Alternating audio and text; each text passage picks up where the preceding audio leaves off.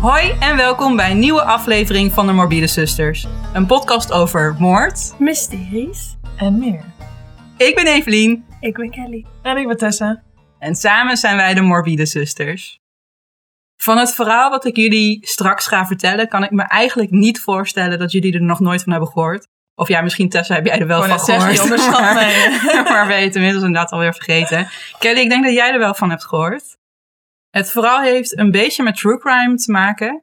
eh, maar vooral met, naar mijn mening, vooral met psychologie. Ik ga jullie namelijk vertellen over de zwijgende tweeling. En dat zijn de, beter bekend als de Silent Twins. Zeg me helemaal niks. Ik had het echt tof gevonden als jij nu, ja, en dat is dit.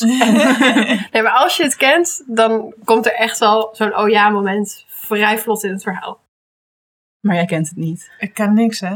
Dus dat... eh, Het maakt het wel makkelijk met podcast maken. hè? ja. Het is altijd een verrassing. Oprecht voor mij altijd steeds nieuw. Eh, nou ja, Kelly, jij eh, kent het wel. Ik, ik had al verwacht dat jij het zou kennen, want het verhaal speelt zich af in de UK. Maar het is ook echt een heel bekend verhaal. Zeker. En het is heel interessant. Ja. Ja. Ik heb bij het voorbereiden van deze aflevering uiteraard weer verschillende bronnen geraadpleegd. De belangrijkste die ik wil benoemen is een documentaire van BBC One uit 1994. En die documentaire heet Inside Story Silent Twins Without My Shadow. Mocht je deze documentaire graag willen kijken, dan kan je deze samen met alle andere gebruikte bronnen vinden op de pagina van deze aflevering op onze website. Ik hoop niet heel erg dat het over vampieren gaat. Waarom hoop je dat het over vampieren gaat? Het zei iets zonder schaduw. Oh, uh, Without My Shadow. Ja. De een-eigen tweeling June en Jennifer Gibbons werd geboren op 11 april 1963 in een militair ziekenhuis te Aden in Jemen. Hun vader, Aubrey Gibbons, was werkzaam als monteur in de Royal Air Force en toentertijd gestationeerd in Jemen.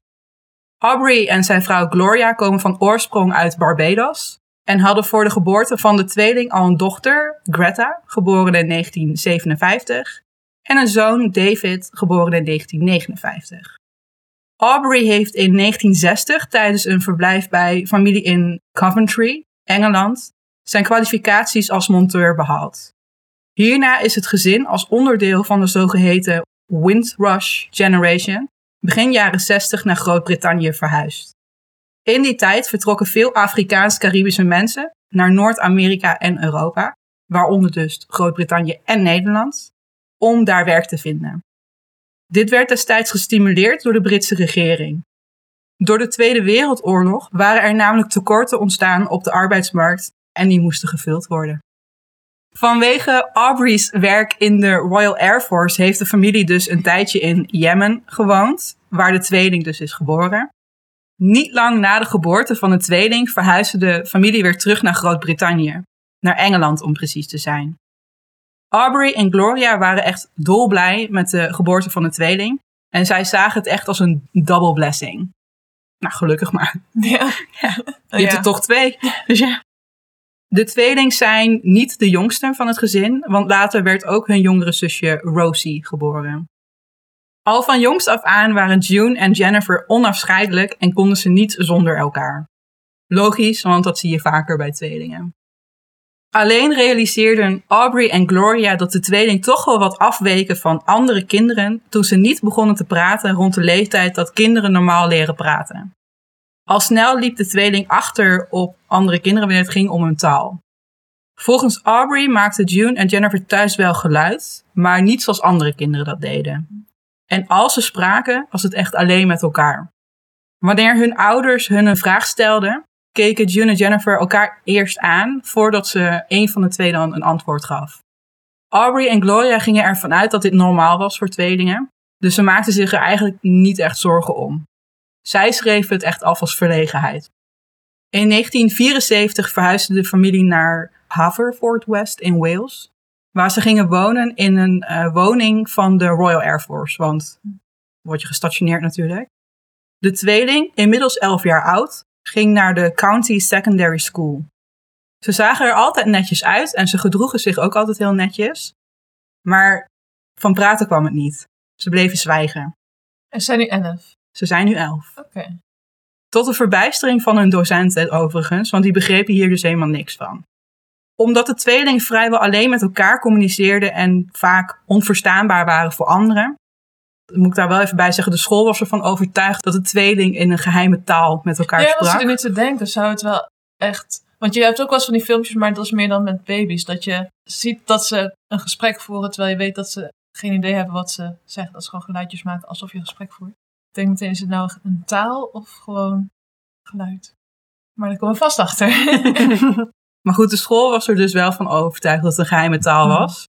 En eh, nou ja, dit dus samen met dat ze alleen met elkaar praten en dus onverstaanbaar waren, zorgde ervoor dat ze veel werden gepest. Overigens niet alleen daardoor. Ik denk zelf dat racisme een veel grotere rol heeft gespeeld in het pestgedrag van anderen. Want ze zagen er gewoon heel anders uit dan de andere kinderen daar. Ze waren namelijk de enige met een andere huidskleur. Dus dan val je op in zo'n omgeving. Het gepest werd uiteindelijk zo erg dat June en Jennifer standaard vijf minuten eerder naar huis mochten, zodat ze een gedeelte van het gepest konden ontkomen. Fijn op. Goed opgelost, ja. Ja. Geweldig, het onderwijs. Door het vele gepest en discriminatie sloten June en Jennifer zich alleen nog maar meer af van de buitenwereld. Waar ze eerder nog wel eens met anderen communiceerden, richtten ze zich nu echt alleen nog maar tot elkaar. Het leek ook wel of de zogenaamd geheime taal die ze hadden ontwikkeld nog meer onverstaanbaar was geworden of nog meer onbegrijpelijk was geworden. Anderen konden hun namelijk helemaal niet meer verstaan.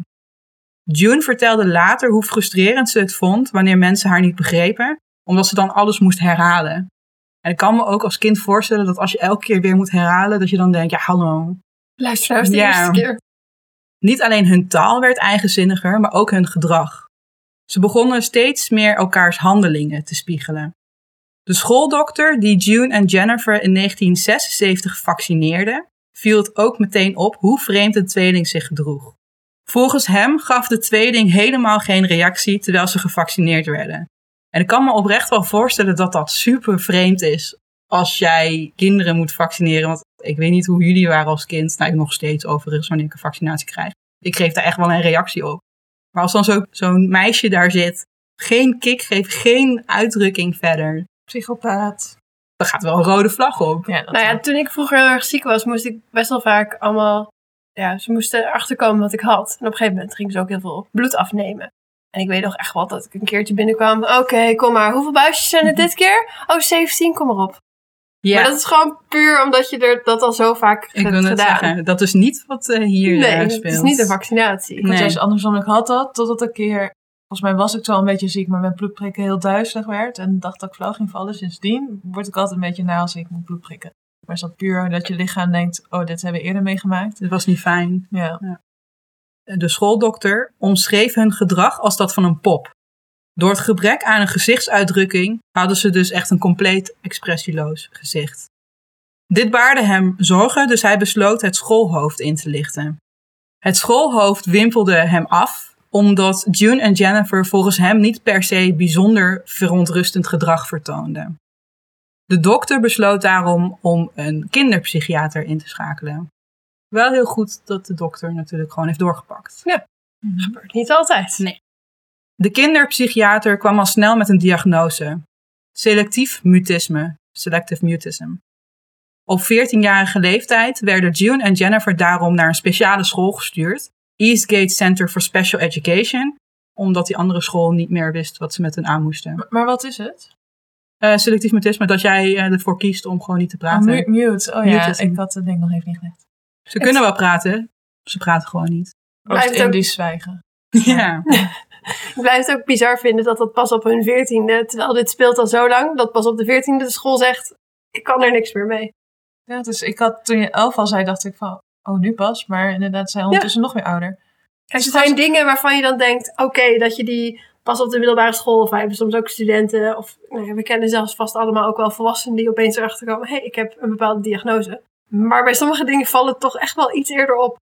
Dus trouwens wel tot nu toe een van de zaken waar ik nog steeds geen idee heb welke kant het op gaat. Oh, dat is goed. Normaal weet je, in het begin wordt er een moord gepleegd of iets. En dan weet je, oké, we weten wat voor zaak het is. Maar ik heb echt nog steeds geen idee waar dit in Misschien gaat. zijn het toch vampieren. Ja, denk het wel. Nou ja, ze werden dus naar een nieuwe school gestuurd, Eastgate Center for Special Education. Op deze nieuwe school kregen zij les van docenten die beter gekwalificeerd waren om hun te helpen. Kathy Arthur, hun nieuwe docent, vroeg aan de oude school van de tweeling informatie op, omdat ze zich goed wilden voorbereiden op hun komst. Van hun oude school kreeg Kathy te horen dat June en Jennifer recalcitrant zouden zijn, een negatieve houding zouden hebben, geheimzinnig waren en dat ze zwegen. Tegelijkertijd gaf de oude school ook aan dat de tweeling geen Engels sprak, maar met elkaar communiceerde in een soort Afrikaanse kliktaal. Holy racism. Ja. Ondanks dat hun oude school beweerde dat June en Jennifer helemaal niet zouden praten, kwam Kathy er al snel achter dat de tweeling wel sprak, maar alleen met elkaar en alleen wanneer niemand anders bij was. Kathy besloot daarom microfoons te verstoppen in haar leslokaal. Nou, dat vond ik een klein beetje dubieus ergens, maar ik snap het idee erachter wel. Ik zou ook ergens wel heel nieuwsgierig worden ervan. Dus ik snap het ergens wel. Maar ja, niet helemaal... Ja. eh, En ik vind nog in het klaslokaal wat anders dan thuis. Ja, dat is waar. Ook filmde ze stiekem de lessen van de tweeling door middel van een doorkijkspiegel. Ze hoopte zo hun ontwikkeling vast te leggen. Door deze opnames vertraagd af te spelen, ontcijferde Kathy de geheime taal die de tweeling sprak. En welke taal denk je dat ze spraken? eigen taal? Engels. Oh, huh? Wat bleek? Deze taal was helemaal niet zo geheimzinnig als gedacht, want de tweeling sprak Engels met elkaar. Hè? Volgens meerdere bronnen zouden de zusjes onderling versneld Engels-Creools hebben gesproken, wat grammaticaal het meest lijkt op standaard Engels. De familie Gibbons sprak thuis overigens ook gewoon Engels. Ze praten gewoon heel snel en waarschijnlijk een beetje mompelend. Ja, En dat klinkt dan heel mysterieus. als eh, Afrikaanse kliktaal. Ja. Geen geklik gehoord, maar goed. Nogmaals, holy racism. Yes. Absoluut. June en Jennifer spraken in principe dus alleen met elkaar, maar wilden ook wel op anderen reageren, zolang ze maar niet direct werden aangesproken. Zo wilden ze wel communiceren door bijvoorbeeld briefjes te schrijven. En ook wilden ze wel hardop praten, zolang de vragen via een audio-opname werden gesteld. Dus je kon niet direct tegen hun praten, want dan zeiden ze niks terug. Maar als jij het insprak op tape of wat dan ook en dat afspeelde, dan reageerden ze wel. Wat apart.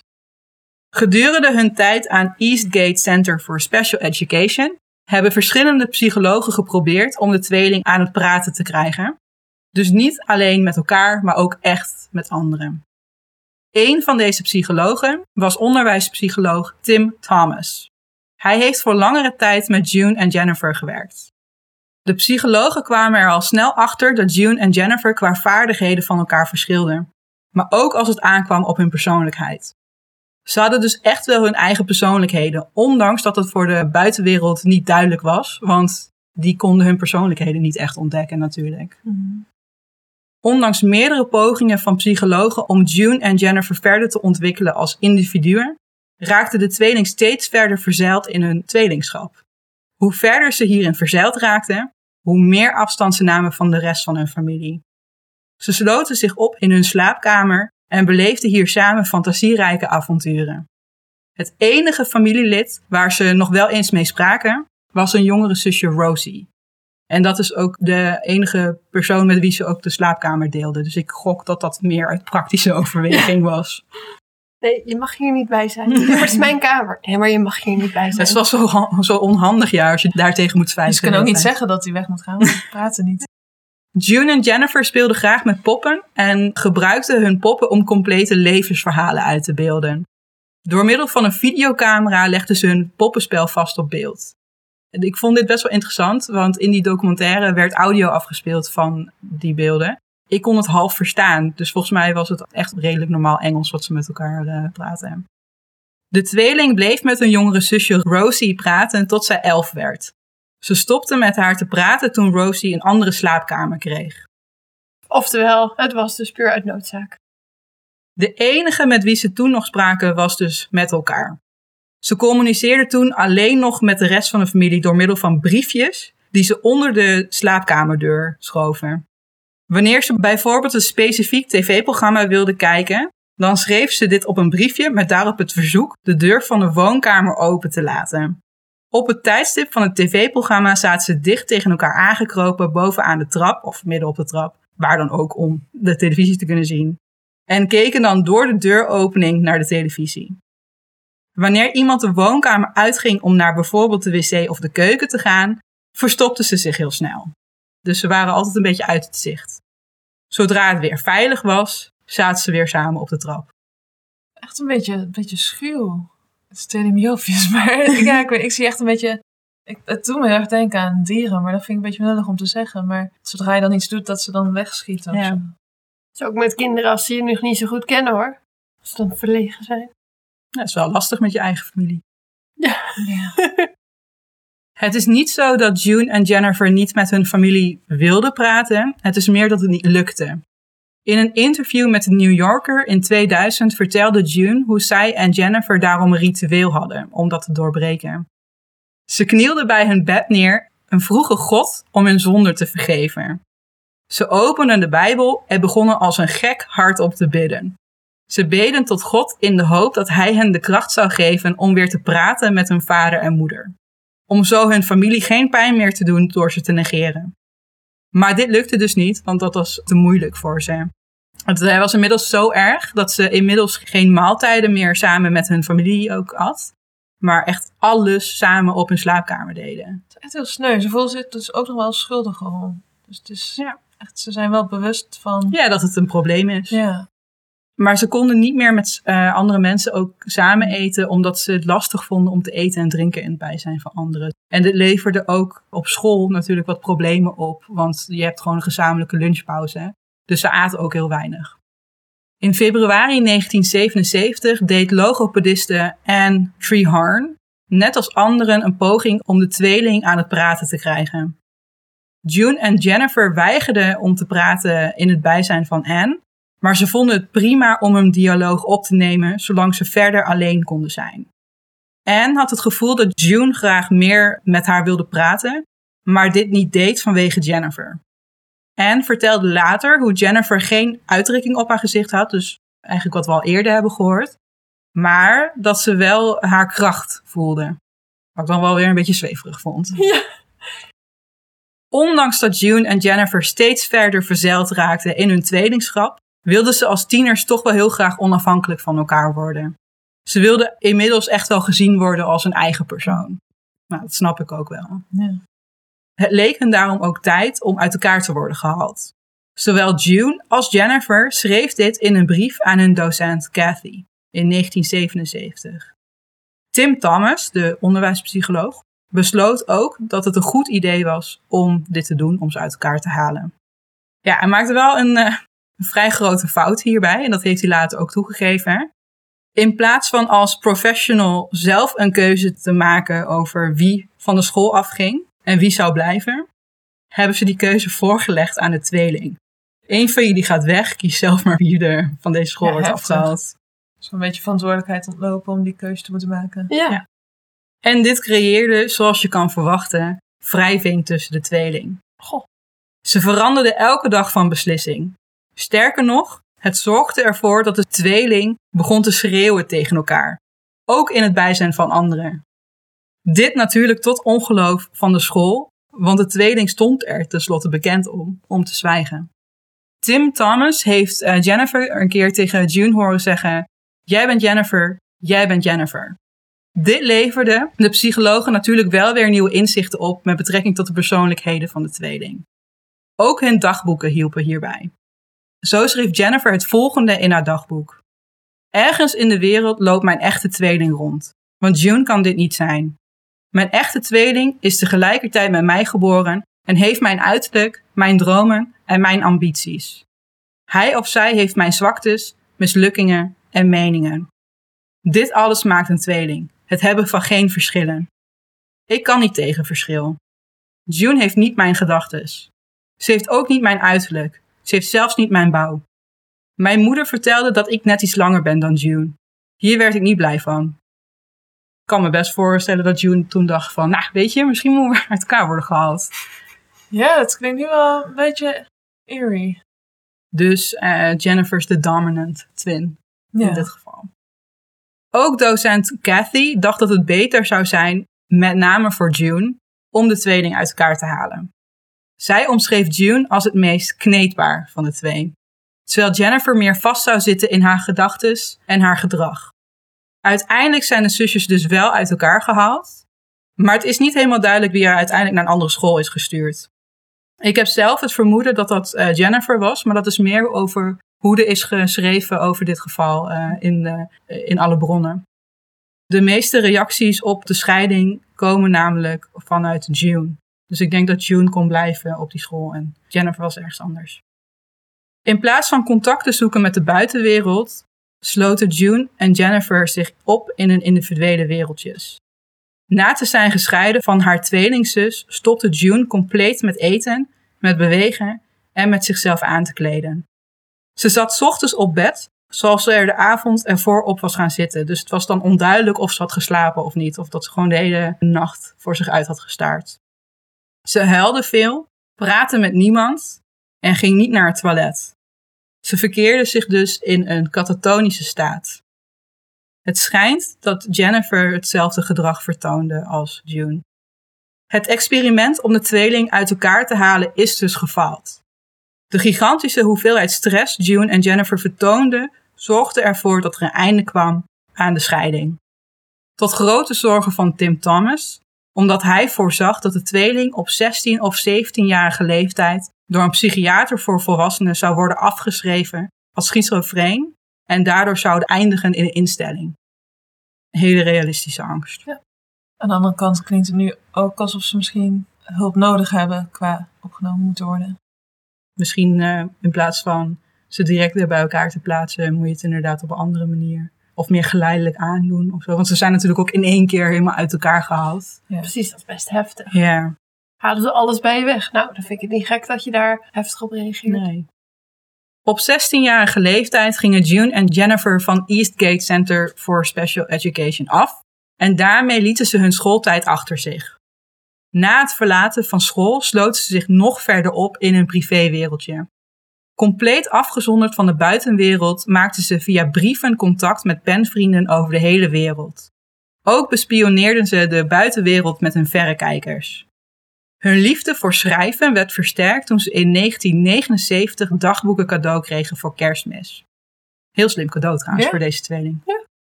Via een postordercursus creatief schrijven leerden ze zichzelf verhalen, gedichten en romans te schrijven. Al snel ontpopten ze zich tot ware auteurs. De verhalen die ze schreven speelden zich voornamelijk af in de Verenigde Staten en dan met name in Malibu, Californië. De verhalen gingen vaak over jonge mensen die vreemd en vaak crimineel gedrag vertoonden. June en Jennifer hadden heel erg de hoop dat ze een bestseller zouden schrijven en zo hun familie heel erg trots zouden maken. Oh, zo cute. June schreef een roman genaamd Pepsi Cola Addict, waarin een middelbare scholier wordt verleid door zijn lerares, vervolgens wordt weggestuurd naar een reformatorische school, waar een homoseksuele bewaker hem probeert te verleiden. Zo.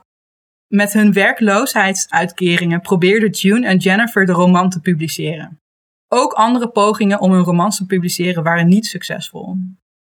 Jennifer schreef The Pugilist, waarin een dokter zo graag het leven van zijn kind, die een harttransplantatie nodig heeft, wil redden, dat hij hun hond doodt en daar het hart van gebruikt.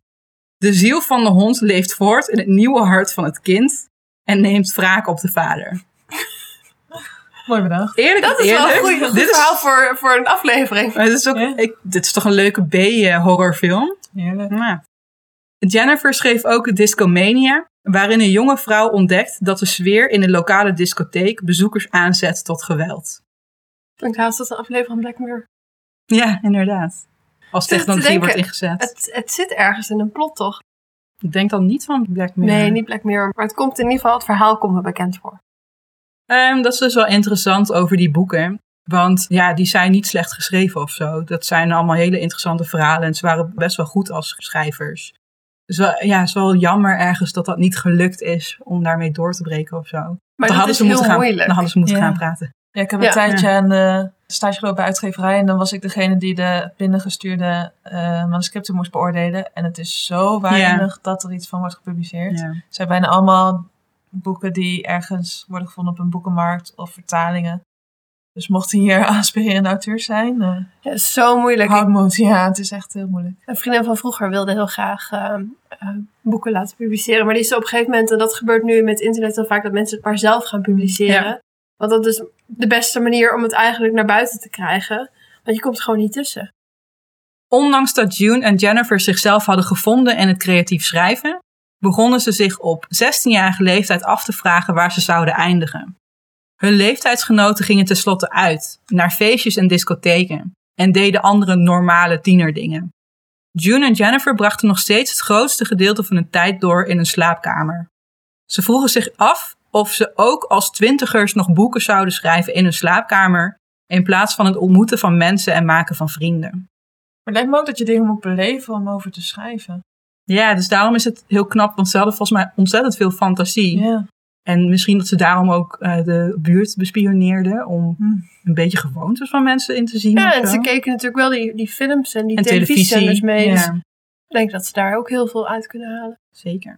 En misschien juist omdat ze zoveel zwijgen, dat ze veel zien. Want dan ben je ook minder bezig met wat voor iets doms je nou net hebt gezegd.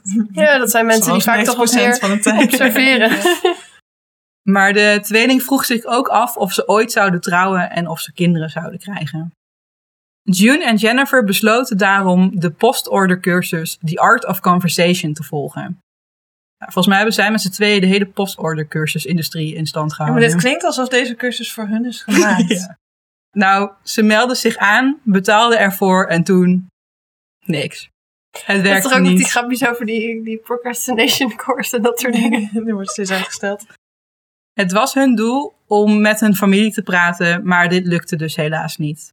De cursus bood inzicht in wanneer je het beste wat kon zeggen tegen je familie, maar het lukte de tweeling niet om hun gewoontes te doorbreken. Ze zaten vast in hun eigen wereldje en ze konden hier niet uit ontsnappen. Dat is tot de zomer van 1981. Nu komt het. Inmiddels was de tweeling 18 jaar oud en hadden ze complete dagboeken volgeschreven, vol met hun hoop, hun angst en ambities. Ze konden het isolement niet meer aan en besloten dat het tijd was hun slaapkamer te verlaten. Die behoefte om naar buiten te gaan kwam mede door twee Amerikaanse broers die de aandacht van June en Jennifer had getrokken. De broers waren niet bepaald lieverds, want ze stonden bekend als dieven en brandstichters. De tweeling heeft natuurlijk altijd al een fascinatie voor Amerika gehad. Wat de broers natuurlijk alleen maar meer interessant maakte, want Amerikaanse broers. June en Jennifer besloten daarom de broers op te zoeken en al vrij snel werden ze smoor verliefd. Elke dag zochten ze de broers op. Ze zorgden ervoor dat ze er op hun allerbest uitzagen. Dus ze hadden altijd hele leuke kleding aan en fantastische make-up.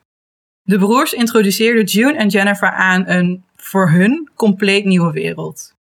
Een wereld vol seks, drugs en alcohol. Dit voelde voor de tweeling als een bevrijding. Het lukte eindelijk om met anderen te praten dan alleen maar met elkaar. Wel een grote Ergens switch, hè? het me nog dat het niet eerder ze hebben drugs of alcohol hebben geprobeerd. Want het staat wel op bekend dat je dan je Ja, meer uh, Ja. beperkt Loskomt. kwijtraakt, loskomt. Ja. Voor het eerst in hun leven hadden ze het gevoel normale tieners te zijn. Jennifer schreef over deze periode het volgende in haar dagboek. God weet wat mijn herinneringen zouden zijn als die zomer mij niet het geheim van liefde, passie en seks had verteld. Het zit allemaal in mijn gedachten als een reeks gouden flitsen. Ze gaven mij de kans om iets te doen met mijn leven en ik nam het aan. Zoals een kind snoep aanneemt. Helaas zag niet iedereen de relatie tussen de tweeling met de Amerikaanse broers als iets positiefs. Hun voormalige onderwijspsycholoog Tim Thomas voorspelde problemen. Hij was ervan overtuigd dat de broers een negatieve invloed zouden hebben op June en Jennifer. Terwijl de tweeling onderling streed om de aandacht van de broers, werd de band tussen June en Jennifer steeds slechter. Het verslechterde zelfs zo erg dat het gewelddadig werd. Jennifer schreef over haar gewelddadige en moordlustige gedachten jegens haar tweelingzus in haar dagboek. Ik schaam me er niet voor om te zeggen dat ik geprobeerd heb om mijn zus te doden. Dingen zijn uit de hand gelopen. Het is me niet gelukt haar te wurgen met het draad van de radio. Ik weet zeker dat ze mij ook wil doden. Ik heb sterk het gevoel dat ze dit heeft geprobeerd. Oké. Want ze zegt sterk het gevoel dat ze het heeft geprobeerd. Dat klinkt alsof het gewoon puur een gedachte is van, oh, zijn tweeling. Ze zal het ook wel doen. Ja, dus ik wil haar doden, dus inderdaad, dat wij zijn hetzelfde. Dus. Projecteren. Ja. June vertelt later over de keer dat de tweeling ruzie had bij een rivier en dat ze Jennifer in het water duwde. June dacht toen bij zichzelf: Als ik haar nu dood, heb ik misschien wel een gelukkig leven. Dan steelt ze mijn persoonlijkheid niet meer. Dan hoeven we niet meer te vechten en zijn er geen discussies meer. Nadat ze Jennifer in het water had geduwd, probeerde June haar onder water te duwen met als doel haar dus te verdrinken. Jennifer schreef in haar dagboek dat June's poging om haar te doden was mislukt, omdat Jennifer genoeg weerstand wist te bieden en zo vrij wist te komen van June's grip.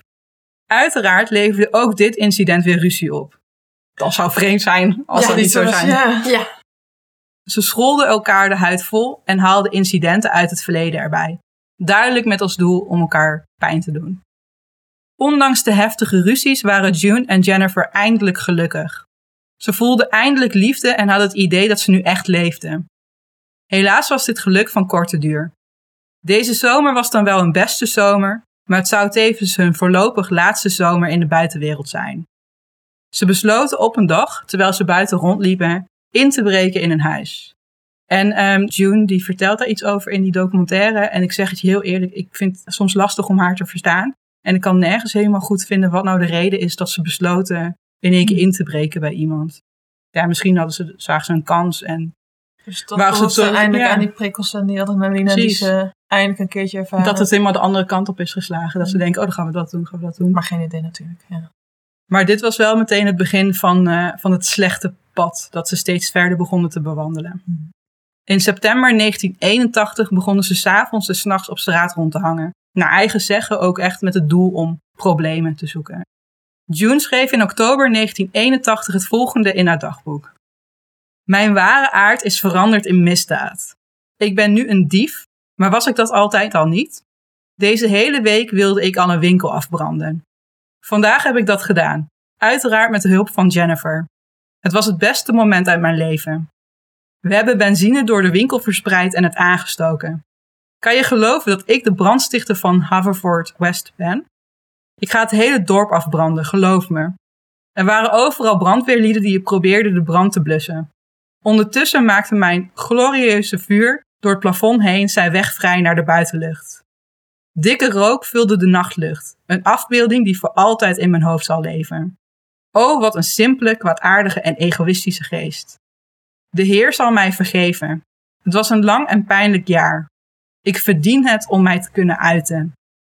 Wat zal het fantastisch zijn om straks hierover te lezen in de krant. De politie is op zoek naar een brandstichter. Maar natuurlijk zijn ze dat. Die is namelijk hier. Misschien weet de politie al wie het is. Deze zoektocht zal doorgaan tot ze mij oppakken. Soms vraag ik me af of ik straks voor het eerst kerstmis in de gevangenis zal vieren. Nou, vind ik vrij heftig Ja. dagboek eh, entry, om het maar zo te zeggen. Alsof dit nu de enige manier is dat ze kunnen communiceren met de wereld of zo. Met uiten. Moet, hebben het recht mee te uiten. Over compensatie, hè? Mhm. In een periode van vijf weken hebben de tweeling meerdere branden gesticht en vandalisme en inbraken gepleegd.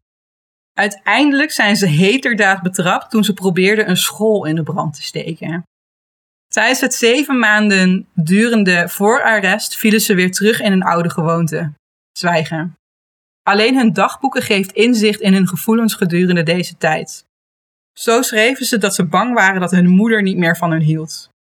June en Jennifer konden niet samenleven, maar ze konden ook niet zonder elkaar. Ze deelden in het begin samen een cel, maar dat ging niet goed. Ze maakten ruzie en ze vochten met elkaar. Wanneer ze dan weer uit elkaar werden gehaald, waren ze ontroostbaar. Om vervolgens weer ruzie te maken wanneer ze weer bij elkaar werden geplaatst. Dit bleef zomaar doorgaan. Ondertussen weigerden ze om met iemand anders te praten dan met elkaar. Ze wilden ook niet praten met de psychiaters en de advocaten die ze kregen toegewezen. De enige manier waarop ze enigszins in contact konden komen met de tweeling was via de telefoon. Dus ze konden niet opzoeken en met hun praten. Nee, je moest echt bellen, want dan zat er weer een middel tussen en dan kon het dan weer wel. Is dan sindsdien dat geïntroduceerd dat als je in een gevangenis op bezoek bent, dat je dan hè, via telefoon met zo'n glazen plaat ertussen praat? Sorry. Ik kan hier niet eens serieus op reageren. Ja, Tessa, dat is daarom. Ja, We moeten ook eigenlijk een compilatie maken van Tessa's stomste grap. Ik denk dat het gewoon hetzelfde is als al mijn grappen. Jennifer vertelde de toegewezen psychiater dat ze stemmen hoort, dat ze visioenen heeft en dat ze June wil doden. June vertelde over hoe gevoelig ze was hoe ze het humeur van anderen oppikt, wat ze droomde en dat ze een heel sterk voorgevoel had. Ze had heel erg eh, premonitions. Ook June vertelde dat ze Jennifer wilde doden en hoe ze beiden pogingen hebben gedaan om elkaar te vermoorden. June was ervan overtuigd dat maar één van hun geboren had moeten worden en dat dat dus beter zou zijn geweest. De tweeling werd uiteindelijk afgeschilderd als psychopathische brandstichters. Op advies van een psychiater werd de tweeling in 1982 opgenomen in Broadmoor Hospital nadat ze schuldig hadden gepleit voor hun daden. Op basis van Mental Health Act 1983 werden ze hier voor onbepaalde tijd heen gestuurd. En dat is vrij uitzonderlijk. Broadmoor Hospital is een zwaar beveiligde psychiatrische instelling voor zwaar gestoorde criminelen. Met hun slechts 19 jaar waren zij daar destijds de jongste patiënten.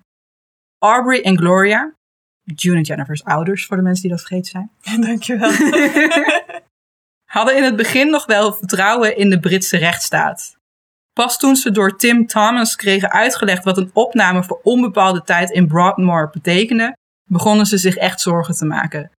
Dit werd erger toen ze zich beseften welke bekende misdadigers destijds daar ook rondliepen. Toen de tweeling opgesloten zat in Broadmoor, zat ook Peter Sutcliffe daar. Beter bekend als de eh, Yorkshire Ripper. Na twee jaar in Broadmoor zweeg de tweeling nog steeds. Inmiddels hadden ze, zoals voorspeld door hun oude onderwijspsycholoog, de diagnose eh, schizofrenie opgelegd gekregen. Deze diagnose ging gepaard met medicatie, voornamelijk kalmeringsmiddelen. Deze kalmeringsmiddelen hadden als effect dat de zussen weer begonnen te praten. Oh. June omschreef later alsof er een soort waas over haar neerkwam en dat ze daardoor vergat om te zwijgen. is toch weer een vorm van drugs die... eh, Ja, hoor. Ja. Dus je had ook zeker een punt. ja. De tweeling begon ook weer brieven te sturen naar hun ouders, met name naar hun moeder. Ook schreven ze dagelijks naar, eh, naar elkaar en zochten ze elkaar op. Misschien om de brief te overhandigen. Hier, ik heb een brief van jou geschreven. Toen de tweeling nog in voorarrest zat, kwam er vanuit de media interesse in hun verhaal. Begin jaren 80 was Marjorie Wallace werkzaam als onderzoeksjournalist voor de Sunday Times in Londen. Via via kreeg ze te horen over tweelingzusjes die verantwoordelijk waren voor meerdere branden. Marjorie besloot contact op te nemen met Aubrey en Gloria, die haar weer in contact brachten met June en Jennifer. Marjorie zocht de tweeling op in de gevangenis en langzaamaan begonnen June en Jennifer met haar te praten. Ondanks dat de tweeling eenmaal in Broadmoor aangekomen weer compleet zwegen, gaf Marjorie niet op. Stapje voor stapje wist ze hen weer aan het praten te krijgen. Hierdoor begon ze steeds meer inzicht te krijgen tot hun persoonlijkheden. Ook mocht ze de dagboeken van de tweeling lezen. Ze kwam erachter dat June naar Jennifer refereerde als haar donkere schaduw en dat ze het gevoel had bezeten te zijn door haar tweelingzus. Jennifer schreef in haar dagboek dat ze haarzelf en June als fatale vijanden zag en omschreef haar tweelingzus als het gezicht van ellende, bedrog en moord. Zo. Marjorie mocht ook de oude dagboeken van de tweeling lezen. Daaruit bleek dat June en Jennifer, ondanks hun onbreekbare band, in de loop der jaren steeds banger voor elkaar zijn geworden. Het viel Marjorie wel op dat June banger was voor Jennifer dan andersom. Ook leek Jennifer de meer dominante van de twee te zijn. En hield ze June wellicht tegen meer vrijelijk met Marjorie te spreken. Marjorie had in de loop der tijd het idee dat June meer afstand wilde nemen van Jennifer. Ondanks dat het normaal was voor jeugddelinquenten om een gevangenisstraf van maximaal twee jaar opgelegd te krijgen, verbleven June en Jennifer 12 jaar in Broadmoor Hospital. Echt wel lang. Dat is heel Ja. erg lang. klinkt een beetje alsof ze dan niet weten wat ze daarmee moesten of zo. June denkt dat het kwam doordat ze zwegen Hm. en dat ze daarom inderdaad zo lang opgesloten hebben gezeten. Dus misschien ook wel van ja, jullie praten niet, dus je bent niet goed. Of je dan geen berouw of... Ja. De tweeling begreep dan ook niet waarom ze niet werden vrijgelaten toen ze wel weer begonnen te praten met anderen. Want dat was wel na twee jaar ongeveer. Dat kwam ook door de kalmeringsmiddelen. In maart 1993, een maand voor hun dertigste verjaardag, kreeg de tweeling toestemming om overgeplaatst te worden naar een minder streng beveiligde instelling. Dit was de eerste stap op weg naar hun vrijheid. Een dag voordat ze overgeplaatst zouden worden, werd Jennifer plotseling onwel. Ze was ineens ontzettend moe en zwak en gleed erg snel in een soort van coma. Niet veel later overleed ze aan een ontsteking van de hartspier, iets wat schijnbaar zelden fataal afloopt. Haar plotselinge dood was extra opvallend vanwege de brief die Jennifer vlak hiervoor aan June had geschreven. In deze brief schreef ze dat de enige relatie die ze ooit zal hebben, die met haar tweelingzus is, en dat ze wist dat ze jong zal sterven. Lang voordat June zal sterven. Ze schreef dat ze hoopte dat June gelukkig zou zijn. Dat klinkt bijna wel als een afscheidje. Jennifer's plotselinge dood kwam blijkbaar niet uit het niets. Een paar dagen voordat de tweeling overgeplaatst zou worden, vertelde Jennifer aan Marjorie dat ze dood moest gaan. Niet dood zou gaan, maar dat ze dood moest gaan. Toen Marjorie vroeg waarom, antwoordde Jennifer met dat ze, zij en June, dat hadden besloten. Na Jennifer's dood realiseerde Marjorie dat de tweelingzussen zich al een tijdje hadden voorbereid op de dood van één van hen. Blijkbaar waren ze tot de conclusie gekomen dat één van hen dood moest, zodat de ander eindelijk echt kon leven. Dan bestaat je zo Ja, dat moest ik ook aan denken. Ik, ik zat te denken, waar doet dit me aan denken, maar inderdaad. Nou, weten we ook Ja. waar eh, J.K. er de eh, Inspiratie natie vandaan heeft. Na het gesprek met Jennifer waarschuwde Marjorie de behandelaars in Broadmoor. De dokters beloofden haar dat ze zich geen zorgen hoefde te maken, want de zusjes stonden onder toezicht. Toch overleed Jennifer plotseling en was er geen aanwijzing voor moord of zelfmoord. Uit later onderzoek werd geconcludeerd dat Jennifer's plotselinge dood kwam door een reactie van haar immuunsysteem op de medicatie die haar en June werd gegeven in Broadmoor. Nou, daar werden heel veel vraagtekens bij gezet, want hoe komt het dan dat Jennifer daar wel zo op reageerde en June niet? Kan natuurlijk wel verschil Dat is tussen een zitten. ontwikkeling of zo. Ja, dat Ja, kan. daarom. maar kan toch nooit 100% hetzelfde. Ondanks dat June de dood van haar tweelingzus aan zag komen, was ze er natuurlijk alsnog helemaal kapot van. Toch bracht Jennifer's dood haar niet alleen verdriet, maar ook de vrijheid waar ze op had gehoopt. Ze was nu vrij van de intense band met haar tweelingzus. Toen Marjorie June een paar dagen na Jennifer's dood opzocht, was June dan ook in een goed humeur en wilde ze erg vrijelijk praten. Volgens Marjorie leek het net of June een compleet nieuw persoon was. June vertelde later dat de dood van haar tweelingzus ervoor heeft gezorgd dat ze voor het eerst in haar leven echt vrij was en echt compleet zichzelf kon zijn. Over de dynamiek met haar zus vertelde ze: Op een dag werd ze wakker en was zij mij, en op een dag werd ik wakker en was ik haar. We zeiden dan tegen elkaar: Geef mij mezelf terug. Als jij mij mezelf teruggeeft, dan geef ik jou jezelf terug. Ze hebben gewoon eigenlijk heel lang in een soort psychose geleefd. Ja, zo klinkt het wel. Ja. June heeft toegegeven dat het zwijgen en alleen met elkaar praten in hun zogenaamde geheime taal was begonnen als een grap, maar dat ze er eh, best wel snel in vast raakten. En het lukte hun daarna gewoon niet meer om het te doorbreken. June moest na Jennifer's dood verder met haar leven. Ze had Jennifer beloofd dat ze zou leven voor zowel zichzelf als Jennifer. En dit deed ze. Dat klinkt alsnog een beetje alsof ze dan beide is. Als in, ik snap ergens, als het gewoon alleen maar metaforisch is, is het heel mooi. Maar ik ben benieuwd of dat dan nog een splitsing in de persoonlijkheid bezorgt. Ja, of gewoon een belofte. Want jij gaat dood, dus ik zal ook voor jou gaan leven. Nadat ze werd overgeplaatst naar een minder beveiligde instelling, kwam ze na een jaar eindelijk vrij. Sindsdien heeft ze haar leven in Wales weer opgepakt en woont ze in de buurt van haar ouders. Ze is gesteld op haar privacy en daarom geeft ze tegenwoordig zelden interviews.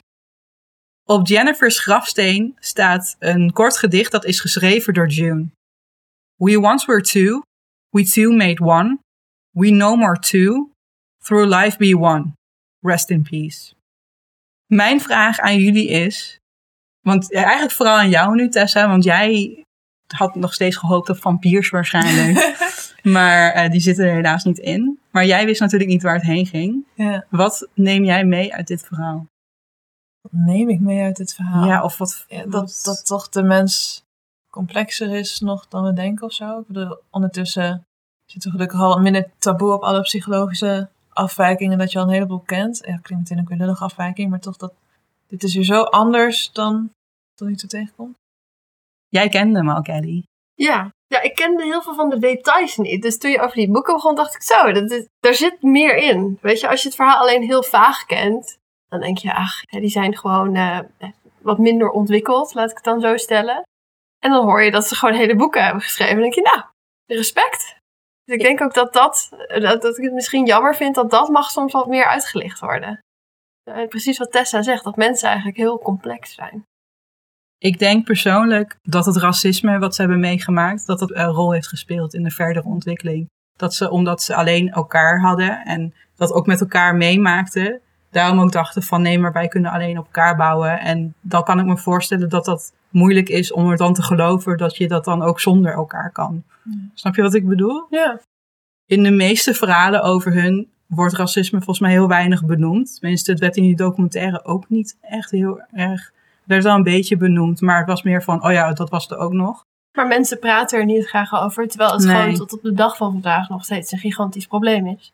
Daarom inderdaad ook. Dus ik denk ook dat dat echt wel nog misschien een grotere rol heeft gespeeld. Omdat het zo, ze waren ook zo jong. En, eh, toch weer weggezet als anders. Ja. Persoonlijk vind ik het ook heel mooi dat je het daarom ook zo, zo benadrukt. Misschien eh, is het niet helemaal terecht of zo hoor, om het, dat er heel erg bij te halen. Maar ik, ik weet het niet. Ik heb nooit zelf natuurlijk eh, persoonlijk met racisme te maken gehad. Maar ik kan me wel voorstellen dat in die tijd, het was een heel klein plaatje, mega wit. Je wordt getreiterd. Je hebt al een bepaalde band als klein kind met elkaar. Ja, dan ga je, ga je niet in één keer makkelijk in je eentje de wereld in, denk ik. Nee, nou ja, dan kan ik heel makkelijk zeggen dat dat heel snel en makkelijk kan gaan. Het doet me ook wel denken aan, je hoort ook wel eens over tweelingen dat ze eh, er moeite mee hebben dat mensen hun vaak als inwisselbaar zien of dat ze niet uit elkaar kunnen houden. Of ik las laatst op Reddit, was dan eh, zo'n eh, ben ik de asshole vraag van, had iemand een opmerking gemaakt dat als ze de twee, dus ze had een vriend die een tweelingbroer heeft. Dat als ze die tweelingbroer net iets eerder had ontmoet, dat ze dan misschien met diegene was geweest. Dat was een heel big deal, Oh. want en dan klinkt het net alsof het dezelfde personen zijn, terwijl dat natuurlijk eigenlijk helemaal niet zo is. Daar doen we ook een beetje aan denken dat ze misschien zo erg worstelen met de identiteit, dat Ja. het door elkaar gaat lopen en dat ze. Ja, Ik, ik kan me voorstellen dat het wel allerlei identiteitskwesties oproept. Ben ik wel echt een eigen persoon? Ook al, niet, niet dat ik dat vind, hè. ik denk gewoon een heel groot deel van wie je bent wordt bepaald door je omgeving en niet door je genen. Maar dat, dat is niet per se misschien voor iedereen een vanzelfsprekendheid. Ik kan me voorstellen als je weet dat iemand gewoon precies hetzelfde DNA heeft als jij, dat, dat het vragen op kan eh, roepen die voor de meeste mensen niet tot ernstige dingen zouden leiden. Maar als je gevoelig bent voor misschien ja. psychoses of dingen, of dat het wel heel ingewikkeld kan worden. Maar daarom denk ik dat het juist ook heel goed is om je eigen, je eigen dingen te hebben. Ik merk dat ik niet echt een gevoel heb nou bij die dood van Jennifer. Want aan de ene Mhm. kant is het heel tragisch dat ze allebei het gevoel hadden dat gewoon maar eentje kon overleven. Aan de andere kant blijkt er ook iets van waarheid in zitten. Want na die dood wordt Juno ook eindelijk Ja. echt haarzelf. Maar dat, dat maakt het... Ja, dat, dat gevoel, dit gevoel wat ik bij deze zaak heb, is gewoon complex of zo. Alles is complex. Wat ook alweer mooi is, laat zien dat gewoon de mens ook echt ingewikkeld in elkaar zit. Maar dat zorgt dat ik niet duidelijk nu echt een gevoel heb of zo, wat ik erbij kan beschrijven. Nee, er zijn mensen die denken dat er eh, meer speelt in deze zaak. Dat het een beetje paranormaal is of wat dan ook vanwege eh, Jennifer's dood. Dat geloof ik persoonlijk niet. Ik ook niet. Dit is duidelijk een tweeling met een gezamenlijk trauma. Wat ze al vroeg hadden en met elkaar deelden. Daardoor misschien toch in een soort van psychose zijn geraakt. En dat is gewoon de verkeerde kant op gegaan toen ze eenmaal dat konden doorbreken. Dus wel weer contact zoeken met de buitenwereld. Ja, inderdaad, eh overgecompenseerd. Ja. En, en wel, ze zijn wel, eh, ze hebben nooit de hulp gehad die ze uiteindelijk misschien nodig hadden. Dat is het, denk ik. ja, weet ik ook niet wat nou uiteindelijk voor een oplossing zou zijn geweest. En zeker ook voor die tijd, hè. Want we zijn nu, en nog steeds weten we niet alles, maar we zijn al wel weer iets verder. En ik wil ook niet zeggen, want ik zeg wel van ze hebben niet de hulp gehad die ze nodig hadden. Maar het is niet zo dat ze. Er zijn echt veel pogingen gedaan hoor, Precies, om er is te helpen. geweest, in Ja, tegenstelling tot sommige heel verhalen veel die we andere zaken. Ja, maar het heeft toch nooit tot. eh, ja, ja, er is geen one size fits all eh, oplossing voor dit. Dit laat dit ook weer, wel weer zien. Ik weet niet, het blijft een heel apart eh, verhaal. En oh, wat ik nog wilde meegeven is dat die Marjorie Wallace, die ik een paar keer heb genoemd, die heeft hier ook een boek over geschreven. Die heet De Zwijgende Tweeling. Maar zij heeft wel heel veel gesprekken met hun gevoerd en hun dagboeken gelezen. Dus eh, ik kan me voorstellen dat dat... Ik weet het niet hoor, ik heb het niet gelezen. Maar ik denk dat dat misschien ook wat meer inzicht geeft tot Hm. eh, hun gedachten en eh, dergelijke. Ja. Want ze schreven wel echt heel veel. Dat is ook wel goed, moet ook wel, want je moet een Ja, hebben.